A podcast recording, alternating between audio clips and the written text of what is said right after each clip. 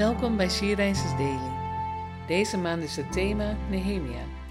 En vandaag luisteren we naar een overdenking van Anne-Jo Geiteman. We lezen Nehemia 2 vers 11 tot 16. Ik kwam aan in Jeruzalem en was daar drie dagen. Toen stond ik s'nachts op, ik en enkele mannen met mij. Ik vertelde geen mens wat mijn God in mijn hart gegeven had om voor Jeruzalem te doen. Er was geen dier bij mij dan het dier waarop ik reed. Ik ging s'nachts door de Dalpoort de stad uit, voorbij de Drakenbron, naar de Mespoort en inspecteerde de muren van Jeruzalem waarin bressen waren geslagen en waarvan de poorten door vuur waren verteerd. Ik ging verder naar de Bronpoort en naar de vijver van de koning. Er was echter geen ruimte om verder te gaan voor het dier waarop ik zat. Toen klom ik in de nacht omhoog langs de beek, terwijl ik de muur inspecteerde, en ging weer terug.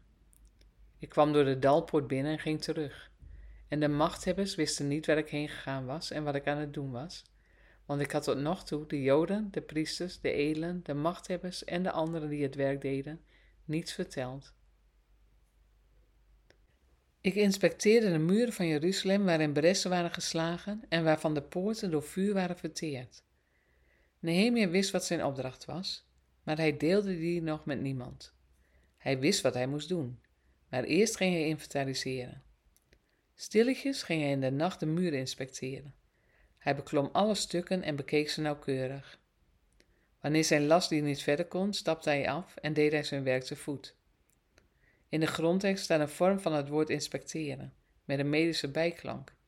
Hij bekeek alle wonden van Jeruzalem, hoe diep de bressen waren, hoe ver het verval was gegaan.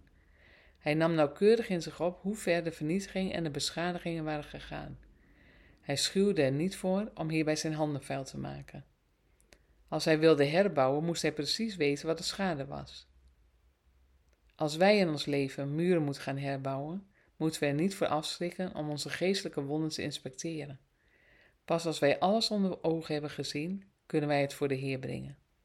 En dan pas kan Hij herstel gaan geven, aanwijzingen en onze handen gaan leiden. Als we niet onder ogen willen zien wat er herbouwd moet worden, hoe kunnen we dan ooit gaan repareren? Durf jij onder ogen zien wat er herbouwd moet worden?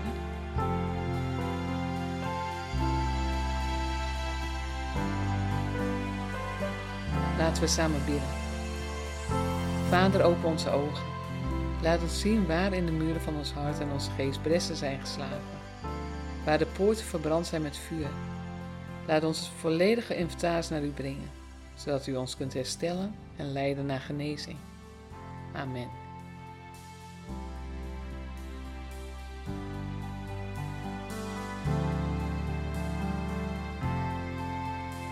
Je luisterde naar een podcast van She Rises. She Rises is een platform dat vrouwen wil bemoedigen en inspireren in hun relatie met God. Wij zijn ervan overtuigd dat het Gods verlangen is dat alle vrouwen over de hele wereld Hem leren kennen. Kijk op www.she reizers.nl voor meer informatie.